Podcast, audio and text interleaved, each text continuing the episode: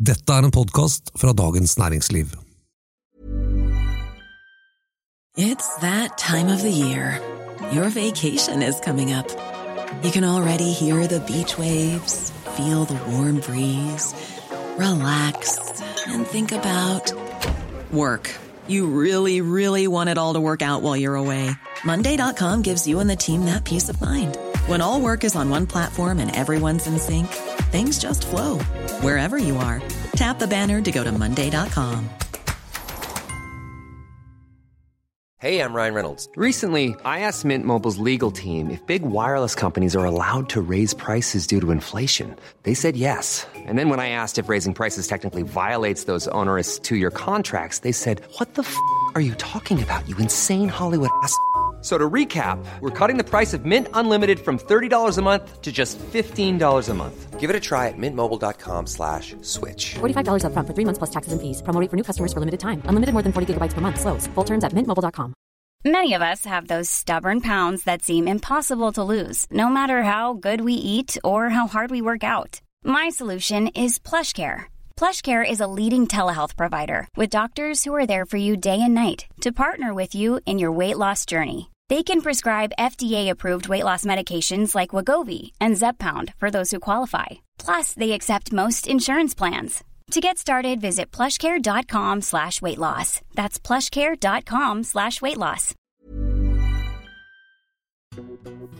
Erna Solberg koser seg i opposisjon, skriver bok og håver inn velgere til Høyre. Mens Arbeiderpartiet fortsetter å årelate sitt eget velgergrunnlag, vil det hjelpe å skifte ut folk i ledelsen. Dette er den politiske situasjonen. En podkast fra Dagens Næringsliv med kommentator Eva Grinde og politisk redaktør Fridtjof Jacobsen.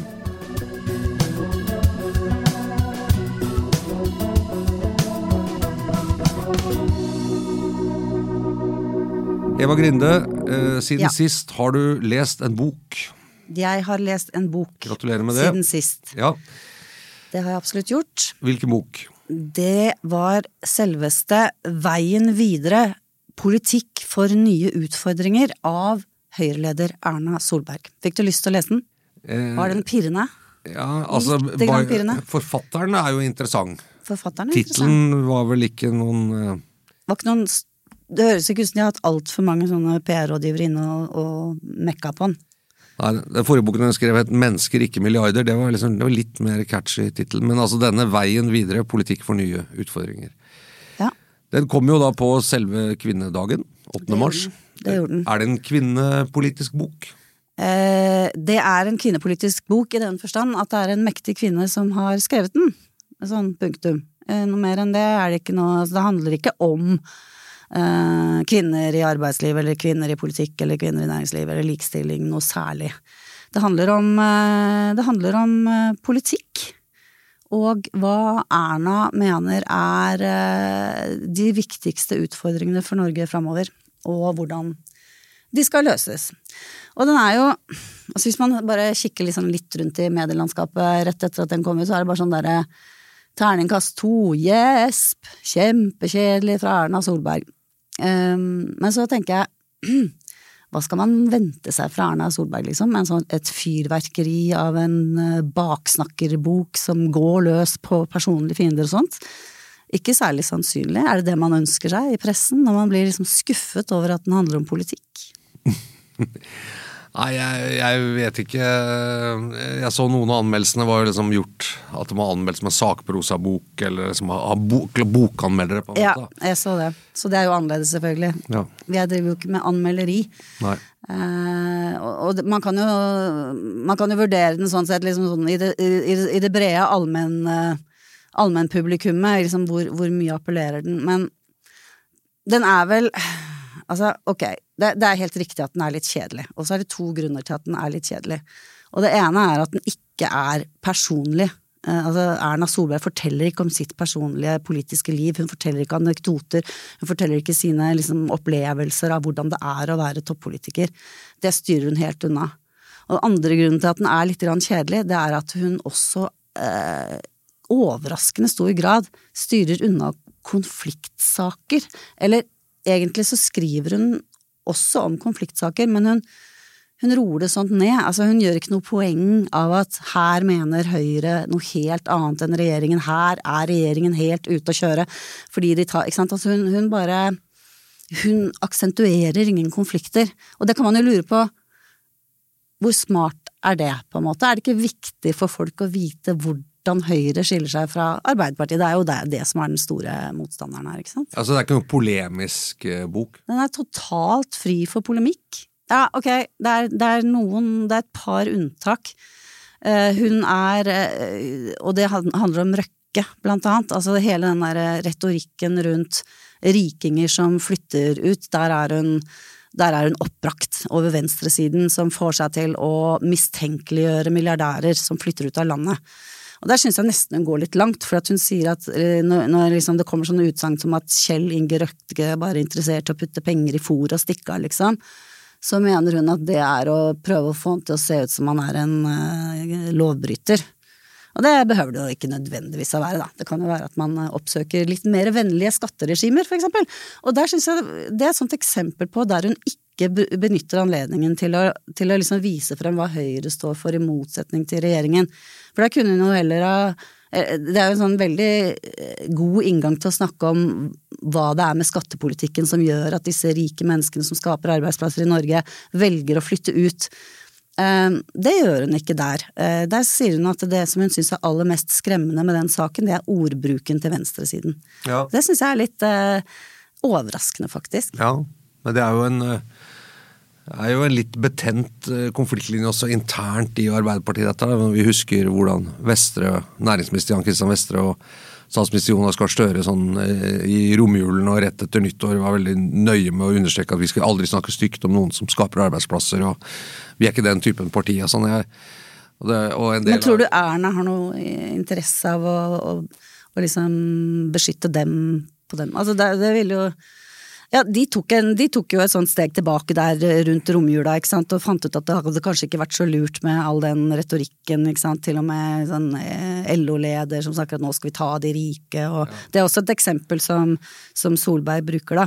Nei, det, eh, nei det, jeg er enig i det, men det er klart det, kanskje det er fristende å si at her er det en eller annen eh, noe bråk internt ikke sant, i det som egentlig burde være en slags blokk eller en sånn samlet greie. så bare liksom aksentuerer man litt en konflikt man ser er i et annet parti, eller mellom LO og Arbeiderpartiet, eller deler internt i Arbeiderpartiet osv. Så, så det er bare fristende å minne om det, ikke sant, og sette det på. Jeg, jeg tror eh, jeg tror, jeg, jeg tror, ikke det er altså, Hvis man snakker om veien videre, så, så, så Røkke har flyttet, så det, det, det er ikke akkurat veien videre. Jo. det er sikkert fristende å ta opp bare for å liksom gi en eller annen form for aktualitetsgrad. At dette skiller de to blokkene. Ja, men det er der hun gjør lite ut av det, da. Det er det jeg mener. Ja. Altså, ikke sant? Sånn at, og, det, og det, det, punktet der kommer jo i det den, den, er jo delt inn i fire deler, denne boken. Og de tre første handler om uh, arbeid, rett og slett. Mm. Arbeid og økonomi. Det er liksom hvordan få AS Norge til å gå rundt fremover, gitt at oljen skal uh, oljen skal ned, alderen skal opp, uh, utenforskapet øker osv. Altså de, disse utfordringene som vi har. Eh, og da handler det om sånn, hvordan, få tak i, hvordan få tak i arbeidskraft, hvordan få alle disse utenforgruppene inn. Det er jo kjent Erna-stoff, på en måte. Altså hun har alltid vært veldig, snakket mye om det og vært opptatt av det, og det tror jeg er ganske genuint eh, fra hennes side. Eh, men det er bare et lite poeng, da, men apropos det at forrige bok het, het 'Mennesker, ikke milliarder', så er det liksom litt gøy å se på hva de kapitlene hennes heter. For det, det, handler jo om Må jeg bare sjekke litt, jeg har boka her. Skal vi se. Økt tilgang på arbeidskraft. Bruke arbeidskraften mer rasjonelt. Omstilling i næringslivet. Og så økt tilgang på så Det er liksom hele den store maskinen hun snakker om, og så, og så går hun ned og, og snakker om eh, utenforskap, folk som faller ut av skolen, psykiske problemer, altså de menneskelige sidene av saken. Men det er på en måte, rammen handler jo om det hun har lyst til å snakke om, er hvordan skal vi få liksom hele denne økonomien til å fungere framover. Det er, det er hovedtema i mm. boken. Og så er den fjerde, den fjerde delen den heter det, er overskrift eh, tillit. Eh, tillitssamfunnet, tror jeg. Mm. Og der, der, er det hun, hun, bruker en del plass på dette med å gå ut mot polarisering. Og det er der den Røkke-passasjen ja. også kommer, da. Så det hadde jo vært rart om boka til Erna Solberg eh, var veldig polemisk og polariserende. Hun har i hvert fall i så fall spent bein på seg selv. Men, men en ting som er litt interessant her ut fra det du sier, jeg har ikke lest boken, men det, det har du. men det, ut fra de titlene så er jo eh, Det er jo da et slags forsvar for arbeidslinja, nemlig Veldig. at flere må i jobb. Som jo egentlig, fram til nå, har vel vært en ganske sånn en sosialdemokratisk, typisk Arbeiderpartiet, Stoltenbergs regjering, veldig opptatt av arbeidslinja. Så det er jo interessant at hun prøver å eie da arbeidslinja og si at jeg har en bedre måte å få arbeidslinja til å fungere på enn det, enn det Arbeiderpartiet har. Hun sier ikke det så tydelig, da, men hun sier det indirekte ved å legge så mye vekt på det som hun gjør. Ikke sant? Eh, og, og det er ikke noe tvil om at eh, for Erna Solberg så er, så er arbeid veien til eh, frelse og et godt langt liv. Det er liksom, det er, det er hele eh, nøkkelen til hvordan å få, få ting til å fungere i samfunnet. Flest mulig inn i, inn i arbeid. Ja, og, og en definering av at det må gjøres i samarbeid, selvfølgelig, med, med private arbeidsgivere og offentlige arbeidsgivere, og sånn, men, men at det er en politisk oppgave. altså i hvert fall noe Politikk kan virke med at man lykkes bedre eller mindre godt med dette. Men det er jo, det er jo et interessant, altså hvis arbeidslinja, hvis man skal tolke denne boken, at hun ser det som et sitt sånn viktigste politiske prosjekt når det gjelder politikk for nye utfordringer, som hun sier, så, så er jo det jeg vil si at Det er ganske langt inn liksom, i den sosialdemokratiske beitet. da. Det sier noe om hvor, hvor langt inn mot midten hun har lagt Høyres politikk. Og det andre det med tillitssamfunnet var jo også dette husker jeg Jonas Gahr Støre var inne på en periode for mange år siden og, og brukte et begrep som et samholdskraft, men som, det, var, det var en litt klønete formulering. for det Quisling hadde brukt den formuleringen en eller annen gang om, om særtrekk ved det norske samfunnet. Men, men tillit, det norske samfunnet er jo preget i og for seg av tillit og egentlig gavens ganske lave altså Det er selvfølgelig motsetninger, men, men en av styrkene våre har vært at klart vi har et relativt lavt spenningsnivå i befolkningen mellom arbeidsgivere og arbeidstakere. Vi har et veldig ryddig, velorganisert arbeidsliv. Ganske harmoniske lønnsforhandlinger. Ikke sant? Andre land knaker det mye mer. Vi har ikke gule vester, vi har liksom ikke den type ting. Eh, Men det har også tidligere liksom vært veldig sånn at, at det er forknippet liksom med sosialdemokrati, og at Arbeiderpartiet har bygd opp et samfunn der vi alle er på samme lag. og Så videre. Så det er veldig interessant, interessant i denne boka eh, At, at det er neste skritt. Den første boka leste jeg 'Mennesker, ikke milliarder', og det var jo et slags oppgjør med det som var kalt kalkulatorpartiet Høyre, ikke sant? Som, som var mer kanskje ideologisk eh, og mer hva skal man si, klassisk høyreparti da, eh, i dette, men, eh, men at dette er, eh, dette er jo et helt annet stoffområde, vil jeg si, da, som er interessant. Ja, det er absolutt det, og jeg syns det, det er et eksempel som, som viser også det du sier, altså dette med eh, hvor langt inn mot, mot midten de er. For eksempel så sier hun at eh, tradisjonelt så har jo konservative og høyresiden vært opptatt av frihet fra staten, altså frihet fra inngrep fra, fra utenfra. Eh, mens, mens du kan si at eh, den sosialdemokratiske ideen har jo vært frihet til, altså liksom det å, å enable folk eh, gjennom å gi de ja, mat og tak over hodet og utdannelse videre til å fullbyrde sin frihet på en måte. Og nå, i boka her så skriver jo hun skriver jo Erna Solberg at eh, samfunnet er blitt såpass komplekst at eh, og, altså, høy, Høyres metode, da, eller hennes metode, det er å være pragmatisk, og det betyr at eh, det er ikke noe feil å skifte mening, for det man må gjøre er hele tiden å tolke eh, samfunnet rundt seg, og hvis det har endret seg, så må man selv endre mening og politikk. Det er liksom sånn basic. Og så sier hun at eh, samfunnet har endret seg når det gjelder det eh, når det gjelder kompleksitet, og derfor så er det ikke lenger sånn at frihet handler om frihet fra, det handler om frihet til. Ikke sant? Så, og- og så der er det er ganske sånn tydelig, den, den skillelinjen gikk jo veldig tradisjonelt mellom høyre- og venstresiden. Mm. så så det, er jo, det er jo det vi alle sier, at uh, i Norge er alle sosialdemokrater, men her uh, Men, men det, det kommer fram på denne måten. Ja, og, og, og eh, politisk da, så er det veldig interessant, for det som av og til jeg tror noen eller som ikke er så tydelig med Erna Solberg, er jo fordi hun virker liksom veldig bestemt. Hun har mye politisk selvtillit. Eh, og hun har jo en, en sånn relativt uinnskrenket makt i Høyre, men det virker sånn hun tenker sånn, ja, Hun skifter sikkert aldri mening. ikke sant? Hun, eh, hun har liksom bestemt seg, hun er stø, hun er, lar seg ikke påvirke av ting utenfor. sånn, men, men det man av og til tror jeg glemmer, og som hun ikke snakker så mye om, er at Erna Solberg har tror jeg, eh, blant dagens partiledere et utpreget instinkt for å klare å lese på en måte hva en befolkning er opptatt av. Det vil si at hun er egentlig mye mer sånn eh, så Hun har noen politiske instinkter som hun bare senser, og, det derre Som du sa når vi er alle sosialdemokrater, som ble sagt. Jeg tror Erna Solberg på en måte har sagt sånn Ja, det, det tror jeg er riktig. Det kan godt hende at mange i Høyre mener at vi at skulle ønske ikke man var det, men sier hvis det er sånn, vel da må Høyre som sier, vi kan ikke være rigide. Vi må tilpasse vår politikk til på en måte det rådende hva skal man si, mentaliteten. Det blir sånn idéhistorisk sett, da, men du må liksom lese tidsånden politisk hos velgerne, og det har hun da eh, vært god til. Og når noen sier noe sånn Erna Solberg gjør ingenting, hun sitter bare helt stille og casher inn en masse stemmer og sånn, så tror jeg de undervurderer hvordan hun eh, klarer å liksom skille skitt og kanel og si at ok, men det er dette folk er opptatt av, og det er det Høyre skal levere på. Ja, men det er litt, det er litt paradoksalt allikevel, fordi at det hun eksempel også i denne boken, eh, og i og for seg i den, i den politiske debatten også skygger unna, er jo, eh, er jo de store, vonde spørsmålene, ikke sant? Altså eh, strømkrisa, inflasjon, rentehevinger, eh, innstrammet budsjettpolitikk, alt det som går på lommeboka til folk, og som vi antar er en viktig grunn til Arbeiderpartiets problemer, sant?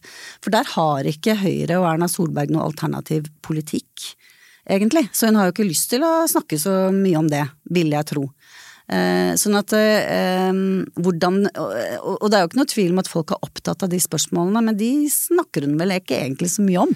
Nei, men, men, men her er det også tror jeg, en litt sånn interessant ting. For at det som eh, tror jeg er en av Arbeiderpartiets problemer, skal vi snakke om mer, men er at de Selvfølgelig er alle, eller veldig mange i Norge, opptatt av at levekostnadene går opp, og dermed så får man dårligere råd og, mindre frihet. ikke sant? Og har man god råd, så har man mer frihet enn hvis man har dårlig råd. Eh, og det gjelder både for egen økonomi, men det gjelder også en, medfølelse med de som faktisk eh, har lite å gå på i sin privatøkonomi, som jeg tror også er sånn. Og så er jo spørsmålet, ikke sant, ettersom dette er kan jeg si at Hvis hun skal bli statsminister i 2025, så kan den økonomiske situasjonen være helt annerledes. Inflasjonen kan ha kommet under kontroll, vi kan være mer i normale tider. Men at, men at politikere har, har, har av og til to valg i regjering. Det ene er å gi inntrykk av at dette kan vi gjøre noe med. Altså vi, har, vi, det er bare, vi skal ordne dette for deg. Eller si at en del ting eh, kan ikke vi verne eller skjerme deg mot. Vi skal gjøre så godt vi kan for at det fungerer så godt som mulig, dette. Men, men når inflasjonen i verden er høy og sånn, så, så vil du bli, så vil du bli eh, rammet av det på en måte. Vi kan ikke beskytte deg mot alt som skjer i verden. Men er det det Erna gjør, mener du, eller hva, hvordan Nei, hva- jeg, jeg, et, et, når Høyre ikke liksom går og sier 'hadde vi sittet i regjering, så hadde alle hatt god råd', ikke Ja. sant, frem og tilbake, så er det fordi Det er jeg veldig kjenner lurt. at vi, vi kan ikke gjøre noe med det. Nei. Nei, altså det er jo en ærlig sak, ikke sant? i motsetning til kanskje andre som, som i større grad sier at vi har løsningen eh, kjekt og greit, og så vet de fleste at det er ikke så lett som de sier. Nei. Så populistisk kan vi ikke beskylde henne for å være. Nei, og det er jo kanskje en av de problemene med denne regjeringen, at de, de på en måte lover folk at bare vi får gjøre dette, så går det bra. Da skal ikke renten gå opp. Renten fortsetter å gå opp. Da skal ikke prisstigningen fortsette. Prisstigningen fortsetter, og så dette famøse regnestykket til Vedum som viser at folk kommer til å få bedre råd, ikke sant. Og så fikk de jo ikke det. Samtidig, så- nå- jeg er enig, det er, det er noe Hun går ikke i den fella. Nei, hun går ikke i den fella. Samtidig syns jeg kanskje det, det var ørlite urettferdig nå. Jeg syns jo også at regjeringen har vært god til å si at eh, sorry, eh, det blir sånn. Det blir eh, høye strømpriser framover, vi må stå i det. Vi, ikke sant. Altså, de, de, de gjør i hvert fall litt av begge deler, da. Ja, ja. Det er ikke helt sånn som det var i valgkampen. Nei, og de har endret, endret på en måte, de har erkjennelsen av det litt mer, men, men det, er, eh, det er jo litt sånn Kanskje fortsatt et, et skilletegn mellom eh, Arbeiderpartiet og venstresiden og Høyre er at høyresiden vil fortsatt si at det er grenser for hva politikken altså det er grenser for hva politikken kan gjøre noe med. Mens på den siden har man lett for å si politikk er svaret på alt. ikke sant? Ja, ja. Og, det, og det er, en, det er fort, fortsatt tror jeg, en forskjell. da. Men ellers så interessant at Erna Solberg er blitt en hva skal man si, en litt sånn en sosialdemokrat, da, men, men som er leder for Høyre. Det høres jo litt sånn ut der, da. Ja, det, det er jo selvfølgelig forskjell. Jeg synes det, det kommer ganske klart fram i den del to, der hvor, eh, hvor det handler mye om eh, effektivisering av staten, eh, kommunalt selvstyre, liksom slutt å lage lærernormer som binder opp ressurser, ikke sant. Altså, der, er- der er det jo en god del eh, forskjeller, og, og, og vi vet jo også at det er det eh, når det gjelder noe mer fleksibilitet med innleie i arbeidslivet og den type ting. Men hun går jo også, hun understreker jo også da i det kapitlet liksom der hvor hun egentlig eh, merket hun er særlig, særlig opprørt over sånn det, det heter personellnormer. Altså det å, å, å, vedta hvor mange lærere det skal være per elev, ikke sant. Som gjør jo at kommuner blir bastet og bundet.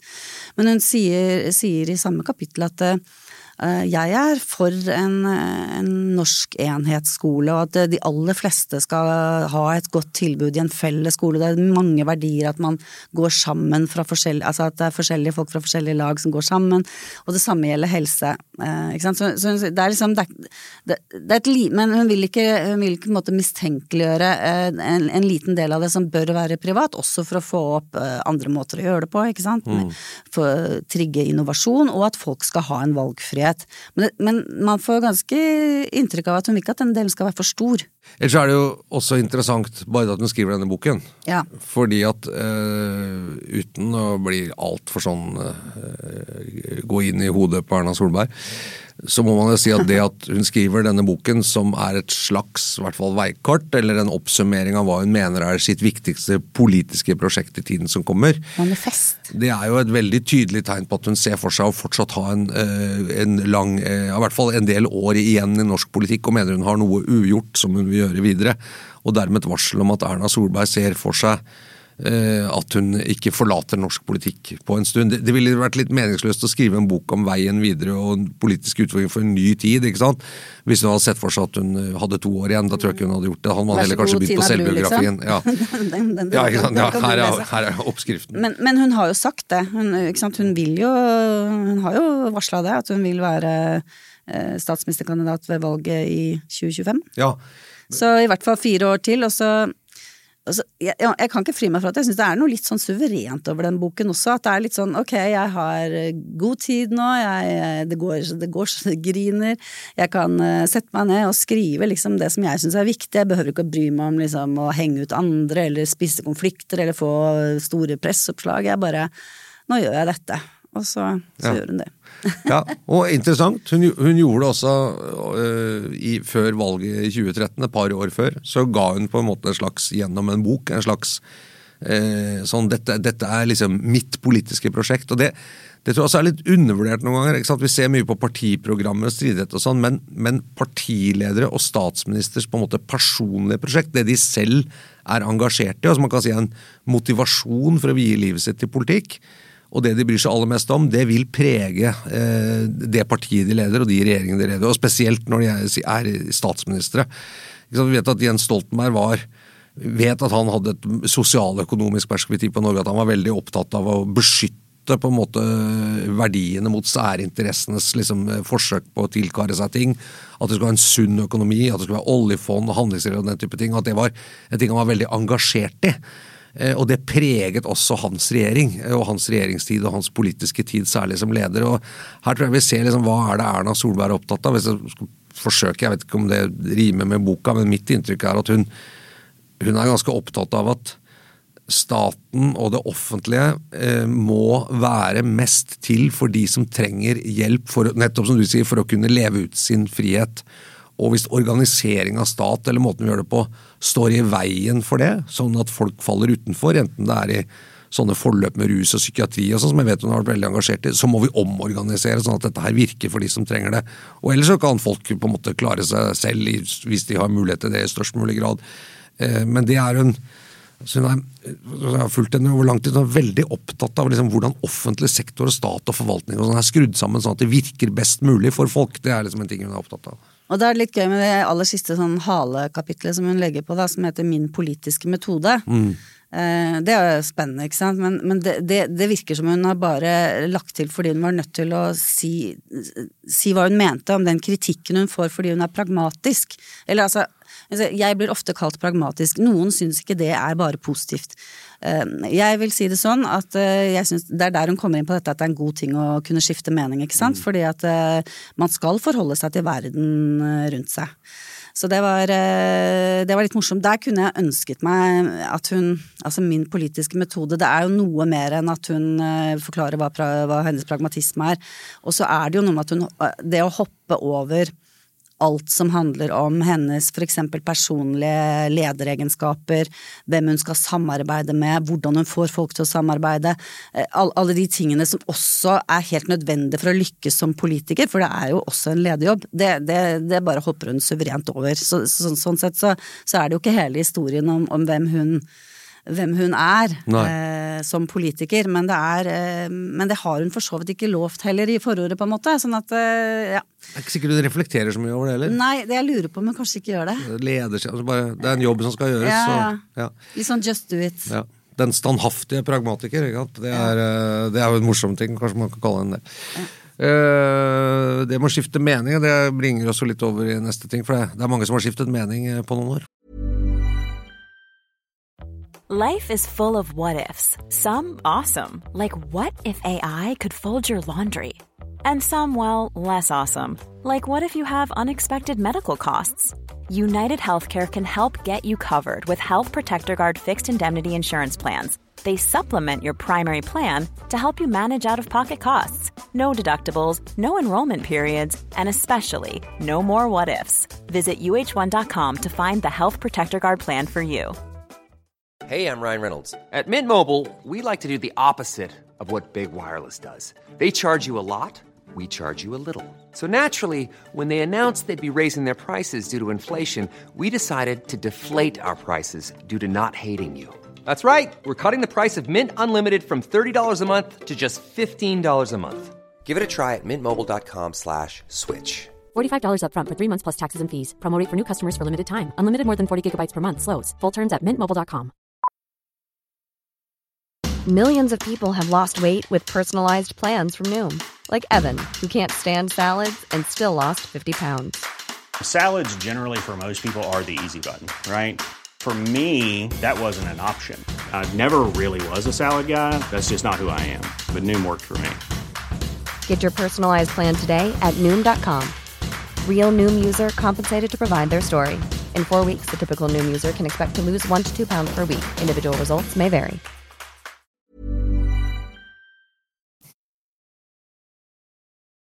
Årelatingen til eh, regjeringspartiet Arbeiderpartiet. Ja, fordi, Styrtblødningen, som jeg pleier å kalle det. ja, blodstyrtningen. Blod. Vi, vi greier ikke å finne på mer ord, for det er, det er liksom bare enda verre og enda verre. Det blir litt sånn. Jo, har du sett jeg, skal, eh, dette jeg vet ikke om du er med på den parallellen, men det er en, eh, eh, en virkelig veldig sterk krigsfilm som heter Black Hawk Down, som handler om et sånt slag i Somalia mellom amerikanere og, og folk fra militsen der. Har noen huller i krigsfilm Ja. Dette Mogadishu og alt det. Men eh, der eh, er det en scene hvor en eh, blir skutt, eh, og, og det viser seg at han er skutt i låret, men så har det truffet en sånn hovedpulsåre i låret hans. Og så prøver de liksom frenetisk å få tak i den Ah, pulsåren ja, for ja, å stoppe ja, ja. blødningen. Jeg er veldig sånn til å lage bilder. Og det er rett og slett, Du må liksom få tak i den, så må du sette på en klemme. Det er, ikke sant? Det, det er hvis du er uheldig med en motorsag, hvis du treffer en hovedpulsåre. Så må du, ja. Og nå og, Ja, det var du som begynte å bringe dette dette til- blodet inn her, da. Blodstyrtningen, som du kalte det. Ja, hvordan skal vi finne klemma til Arbeiderpartiet? Er Ja, ja liksom du får det bildet at noen frenetisk prøver å få stoppet dette her. Men, men eh, det, dette begynte jo denne uka med en eh, meningsmåling eh, som i Dagsavisen blant annet, Avisenes Synsbyrå, Fri Fagbevegelse, et sånt felles meningsmålingsprosjekt de har, hvor, hvor eh, tallet 36,9 dukket opp. Og det, du husker tallet 36,9, Eva? Ja, Hvem husker ikke tallet 36,9? Et historisk tall, ikke sant? Eh, spesielt for Arbeiderpartiet, vil jeg si. Ja, og for norsk politikk generelt. Kort recap på det. Torbjørn Jagland, som var statsminister og partileder i Arbeiderpartiet, sa før valget i 1997 at hvis ikke valgresultatet til Arbeiderpartiet ble like bra, da var de en, bare Arbeiderpartiet i regjering, en mindretallsregjering. Hvis ikke det ble like bra som i 1993, så ville han gå av. Og i 1993 var det 36,9. Så jeg tror ikke han liksom sa det, men også ble det skrevet en sak i VG. Går av liksom hvis han får 36,8, blir sittende hvis han får 36,9, og så ble det stående. Og så gikk det som det gikk. Det, ja, de gjorde et godt valg, men det var, ikke, det var under 36,9, og så gikk han av, og så fikk vi en regjering som var ledet av Kjell Magne Bondevik, fra Kristelig Folkeparti, sammen med Senterpartiet og Venstre. Som hadde litt over 20% av stemmene. Eh, En, veldig, en av de merkeligste regjeringene vi har hatt i Veldig Norge. spesielt. Ja. Eh, Men ja, det er sånn note to self. Ikke si sånne tall. Nei, og, og i Arbeiderpartiet så var man Jeg tror kanskje det var begynnelsen på slutten for Jagland, for man var sånn Hva var dette for slags vanvittig ting å stille et ultimatum om dette? og og gi fra seg makten. For det er helt klart at det var noe han fant på selv, helt alene. Liksom. Han, bare, Han snakket var... seg inn i det, tror jeg. Ja, ikke sant? Ja. Sånn- Så det ble gærent. Um, men, eh, og derfor så har det tallet på en måte alltid vært liksom der. Og nå var det altså Høyre som fikk 36,9 på den målingen. Det er jo avsindig høyt. Det er helt sjukt. Og der, sa, der, apropos, der sa jo Erna Solberg sånn ja, ja, vi må vel bare innrømme at dette her er vel ikke noe vi egentlig kan håpe på. sånn der, opp fem prosentpoeng. Mens Arbeiderpartiet fikk 15,5, tror jeg. Mm. Som jo er ufattelig lavt. Og selv nå, etter mange måneder hvor de har ligget under 20, så er liksom 15-tallet. Så skal vi legge til på en annen måling enn dette, hvis den fikk de 19 og noe. altså så Målingene de, de, det er noen outliers, som det heter her. Men, men snittet på målingene de sliter jo med å komme over 20. Eh, og det er to måneder til valget, og kommunevalget. og Nei, til landsmøtet. ja, ja, til landsmøtet, ja. Og så er det, det så- ca. et halvt år ja. Mm. til kommunevalget. Ja. Sånn er det. Jeg går i surr. Landsmøtet. Og så er jo spørsmålet det, det er jo det er ikke så lett å peke på Man kan kanskje alltid peke på enkeltsaker, men det er liksom ikke så lett å peke på en sånn Ja, men det er derfor det, denne velgerflukten og liksom Nei, det er ikke så lett. det, det, det virker jo veldig komplisert, syns jeg, da. Ja, eh, det er ikke én Det kan neppe Det er neppe én god grunn, akkurat som det er også komplisert å finne ut hvorfor i all verden Høyre gjør det så vanvittig bra. Altså de to veldig sånne sterke trendene i norsk politikk som er superinteressante, men, men antagelig veldig sammensatt, da. Så vi har jo, ikke sant, Den mest mm, utbredte teorien er jo dette med, med at det laget kom på, og så kom det liksom krise på krise på krise, og at de fikk en veldig, veldig dårlig start. Men den kanskje man ikke kan helt uh, bruke i all evighet. En dårlig start varer jo ikke evig.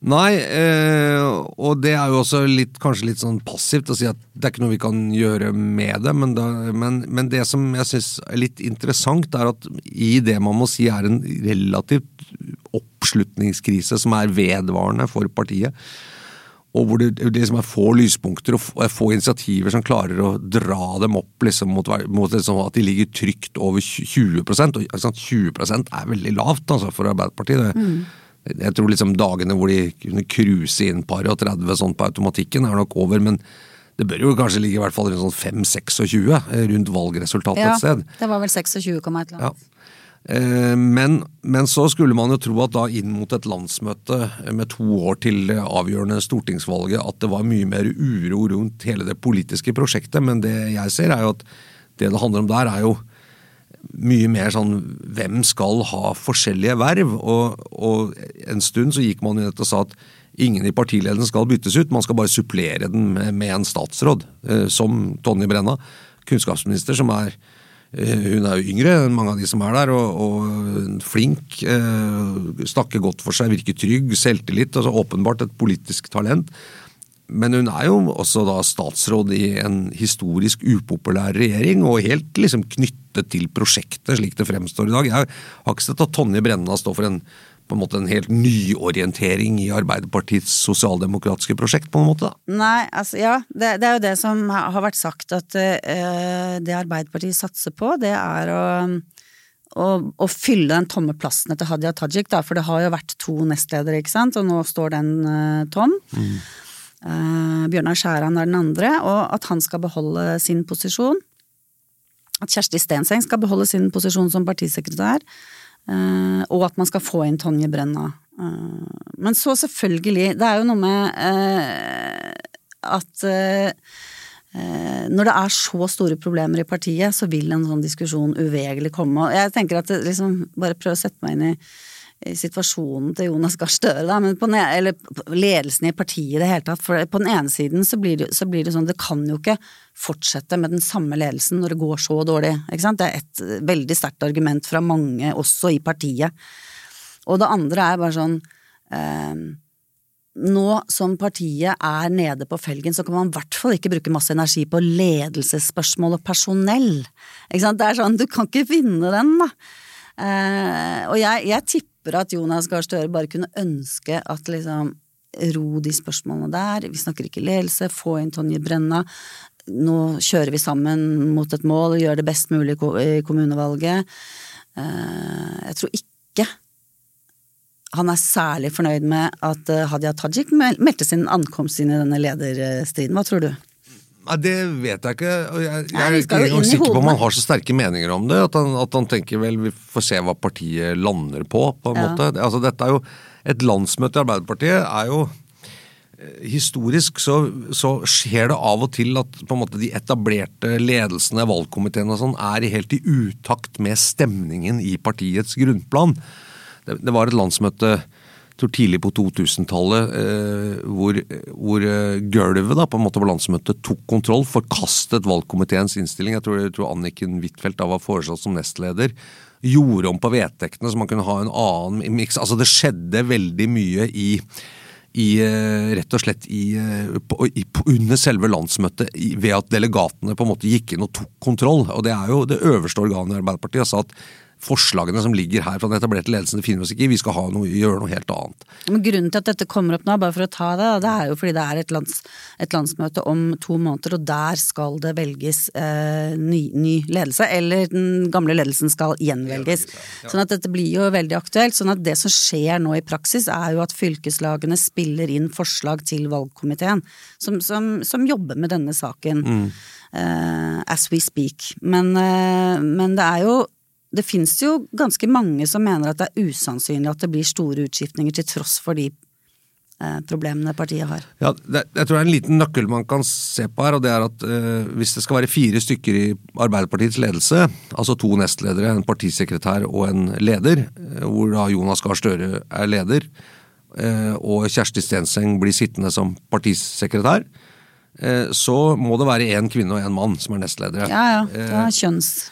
Hvis Kjersti Stenseng eh, Hvis landsmøtet ikke ønsker å ha Kjersti Stenseng som partisekretær, så er plutselig en helt ny dynamikk.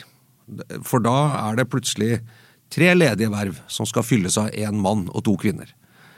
Og da vil kanskje Skjærans eh, posisjon som nestleder, altså som en del å si hvis man ønsker Noen kanskje sier at vi ønsker to kvinnelige nestledere og en mannlig partisekretær. Altså, så, er så er man plutselig inne i et helt annet landskap. Ja, for det er jo sånn at nå, valgkomiteen skal jo komme med et forslag inn til landsmøtet, og så er det jo der kan det jo skje, som du sier, fortalte som eksempelvis fra tidlig på 2000-tallet, der kan hva som helst skje, i teorien i hvert fall. Valgkomiteer kan, eh, kan komme med innstillinger som kan bli helt forkastet av landsmøtet, og, og, og landsmøtet er også en sånn Noen ganger så, så vil det der skjer veldig mye dramatikk, og ting vil skje veldig fort. Og det kan også være litt sånn hva er stemningen i det rommet akkurat der og da, osv. Så, videre. så det, det, er jo ikke, det er liksom ikke helt sånn teknokratisk at alle kommer med bundne mandater osv. Så, videre. så jeg er litt sånn spent på hvordan det som kan se ut som en plan, at her skal alle bare bli sittende, og så skal vi supplere med en statsråd. Øh, om det om landsmøtet som et uttrykk for grunnplanen i Arbeiderpartiet finne seg eller si at nei, nå går det så dårlig at vi faktisk må gjøre noe annet, altså, rett og slett. Men syns du det er et poeng i seg selv at hun er stats... At det liksom Er det noe som uh, folk reagerer på, da, mener du, eller? Nei, men jeg tror, tror hun, representer, altså, hun representerer noe nytt i kraft av sin generasjon og alder, men hun er jo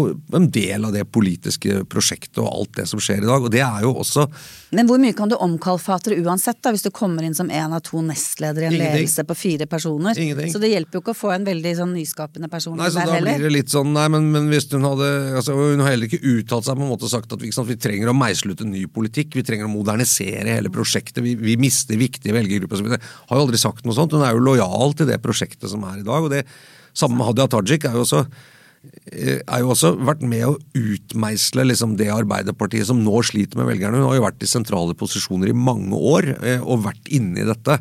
Så jeg syns heller ikke man kan si at hun, hun, representerer kanskje en annen mennesketype, men at hun representerer et, et annet og et, et slags sånn politisk generasjonsskifte. Hvis Arbeiderpartiets problem er at politikken deres ikke appellerer til folk, at den har gått ut på dato eller er helt ute av synk med det som store velgergrupper i Norge ønsker seg, så må de jo lage en, ha en politisk fornyelse, ikke bare en politikerfornyelse, hvis du skjønner. Ja, det er det. Sånn at eh, noe magi i å, i å bytte ut eh, lederfolk fra lederposisjoner, det er det antagelig ikke. Eller det er ikke noe, det er ikke noe quick fix, det heller. Nei, For å bruke en parallell fra vår del av verden, da. Hvis du sitter og jobber i en papiravis, og du ser at stadig færre leser papiravis, eh, og så tviholder på at vi skal bare fortsette å lage papirer hvis vi skal ikke digitalisere, så hjelper ikke om man bytter redaktør eller får inn nye sjefer, på en måte hvis du bare egentlig driver med det samme. Eh, tror jeg. Så, så, det, så, mange av, mange av liksom disse omveltningene på personplanet i Arbeiderpartiet har jo også handlet om at nye miljøer vi vil ha kontroll over selve politikkutformingen. Både liksom i det daglige og håndteringen av politikk, men også liksom hva partiet skal være. Du har, du har store fornyelser. Den aller største var jo på en måte når hva man skal si, Nordli, Bratteli, den generasjonen eh, måtte gi fra seg makten om partiet til en ny og yngre generasjon som da skjøv var liksom Gro Harlem Brundtland foran der, men det var jo en hel generasjon. Men her har du ikke noe alternativ eh, på, egentlig, ikke noe klart alternativ på politikken. Eh, måtte være han som sitter oppe i Nidaros, men han er ute av, ut av ligningen. Nei, og da spørs det spiller så stor rolle, liksom. Nei, og, og, og hvorfor, hvorfor, diskuterer vi ikke Jonas Gahr Støres stilling? Altså man, han er jo selvfølgelig eh, toppansvarlig, eller ansvarlig som toppleder eh, for, for, partiets utvikling, men det er vel egentlig rett og slett det enkle, pragmatiske svaret at det er ingen tydelig, synlig alternativ som leder av Arbeiderpartiet? Nei, nei det er det ene. Og så må det som også tror jeg spiller litt inn, det er at eh, Jonas Gahr Støre gikk til valg som statsministerkandidat som leder da for en, på en måte et, et rød-grønt flertall. Og velgerne sa det vil vi ha. Og da er det litt vanskelig for partiet å kaste en statsminister som har liksom åpenbar statsminister som har vunnet et valg, faktisk. Ja, På altså, vegne av andre partier også. Ja, det er, det er, noe med det som er litt sånn det, det, Dermed så har du et litt ikke, spesielt vern der, da. Han er i hvert fall ikke diskutert Eller er, liksom, det er ikke noe diskusjon, men eh, hadde det vært noen veldig eh, klare, sterke alternativer, så, så, hadde nok det sikkert vært diskutert, i hvert fall det òg. Det vil jeg tro. Men, eh, men, men, så er spørsmålet sant? Det kan være, som du sier, at Arbeiderpartiet er helt ute av synk når det gjelder uh, saker. Uh, er det også noen problemer med den regjeringskonstellasjonen? Altså, jeg leste en analyse her som gikk ut på at Arbeiderpartiet er nødt til å gå så langt i retning Senterpartiet med sånn vi skal bevare samfunnet sånn som det alltid har vært type ting, og reversere alle reformer. At de liksom må si ha det bra til sin egen Eh, ja, reformvennlige, fremadrettede sjel, da. Altså, de sliter, i, sliter med å måtte, måtte, stå for å gjennomføre eh, en del sånn reverseringsprosjekter som jo Senterpartiet lovte i, lovte i valgkampen. Det kommer litt an på hvem du spør, tror jeg. Ja, det kommer veldig an på ja. hvem du spør, men det er et moment, det å at Arbeiderpartiet kanskje blir utydelige, da. Men akkurat det var jo veldig, over, det var veldig oversiktlig, for det, det, står i Hurdal, de gikk til valg på det, og det at Senterpartiet er Senterpartiet, det, er liksom ikke, det, det, burde ikke komme som noen overraskelse. Men nei, jeg, jeg er jaggu ikke sikker. Jeg bare syns det er litt påfallende at i det som er en velgeroppslutningskrise, som jo de er inne i, så virker Arbeiderpartiet mest opptatt av liksom det ganske intrikate interne politiske spillet om hvem som skal ha de forskjellige toppvervene. Eh, Istedenfor å diskutere litt mer sånn eksistensielt hva, hva er liksom et moderne sosialdemokratisk politisk prosjekt i de årene som kommer. Hva, hva, er veien videre? Hva er politikk for nye ja, utfordringer? Ja, men sant, de, I motsetning til Det er derfor, eh, det er derfor jeg skrev at og som Støre må, må misunne Erna nå. Eh, Jonas, da. Jonas. Fordi at eh, de er jo fullt opptatt av å liksom slukke branner og, og, og, prøve å, å, styre dette landet. Eh, og kan nettopp Ja, det, det er, jo, det er jo, altså Døgnet har bare så mange timer, og det er et energibudsjett her også.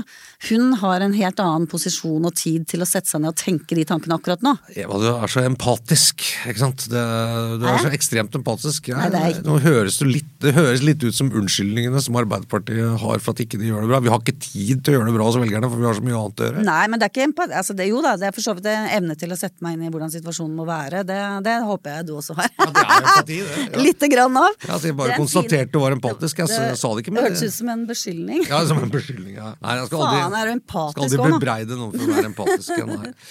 Nei, men altså, jeg tror det er en god ting hvis man skal prøve å forstå um, ting, ting og tang. Skal vi prøve å komme til en konklusjon? på denne podkasten? Ja. Eller denne utgaven av podkasten? Denne utgaven av podkasten. Ja, vi har vel konkludert med at um, det er ingen quick fix å skifte leder i Arbeiderpartiet.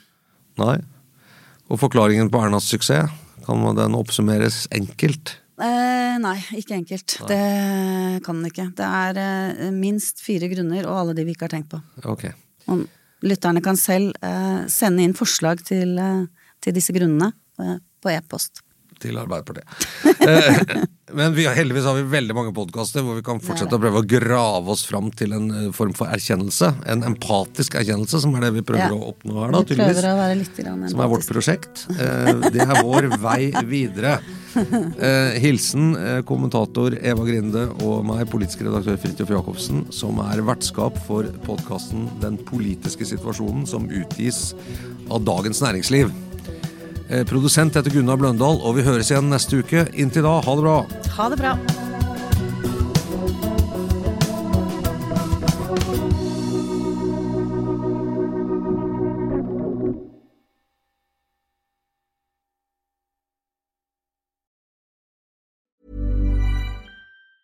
Hi, I'm Daniel, founder of Pretty Litter. Did you know cats tend to hide symptoms of sickness and pain? I learned this the hard way after losing my cat, Gingy. So I created Pretty Litter, a health monitoring litter that helps detect early signs of illness by changing colors, saving you money and potentially your cat's life. Pretty Litter is veterinarian developed, and it's the easiest way to keep tabs on your fur baby's health right at home. Go to prettylitter.com and use code ACAST for 20% off your first order and a free cat toy. Terms and conditions apply. See site for details. Even when we're on a budget, we still deserve nice things.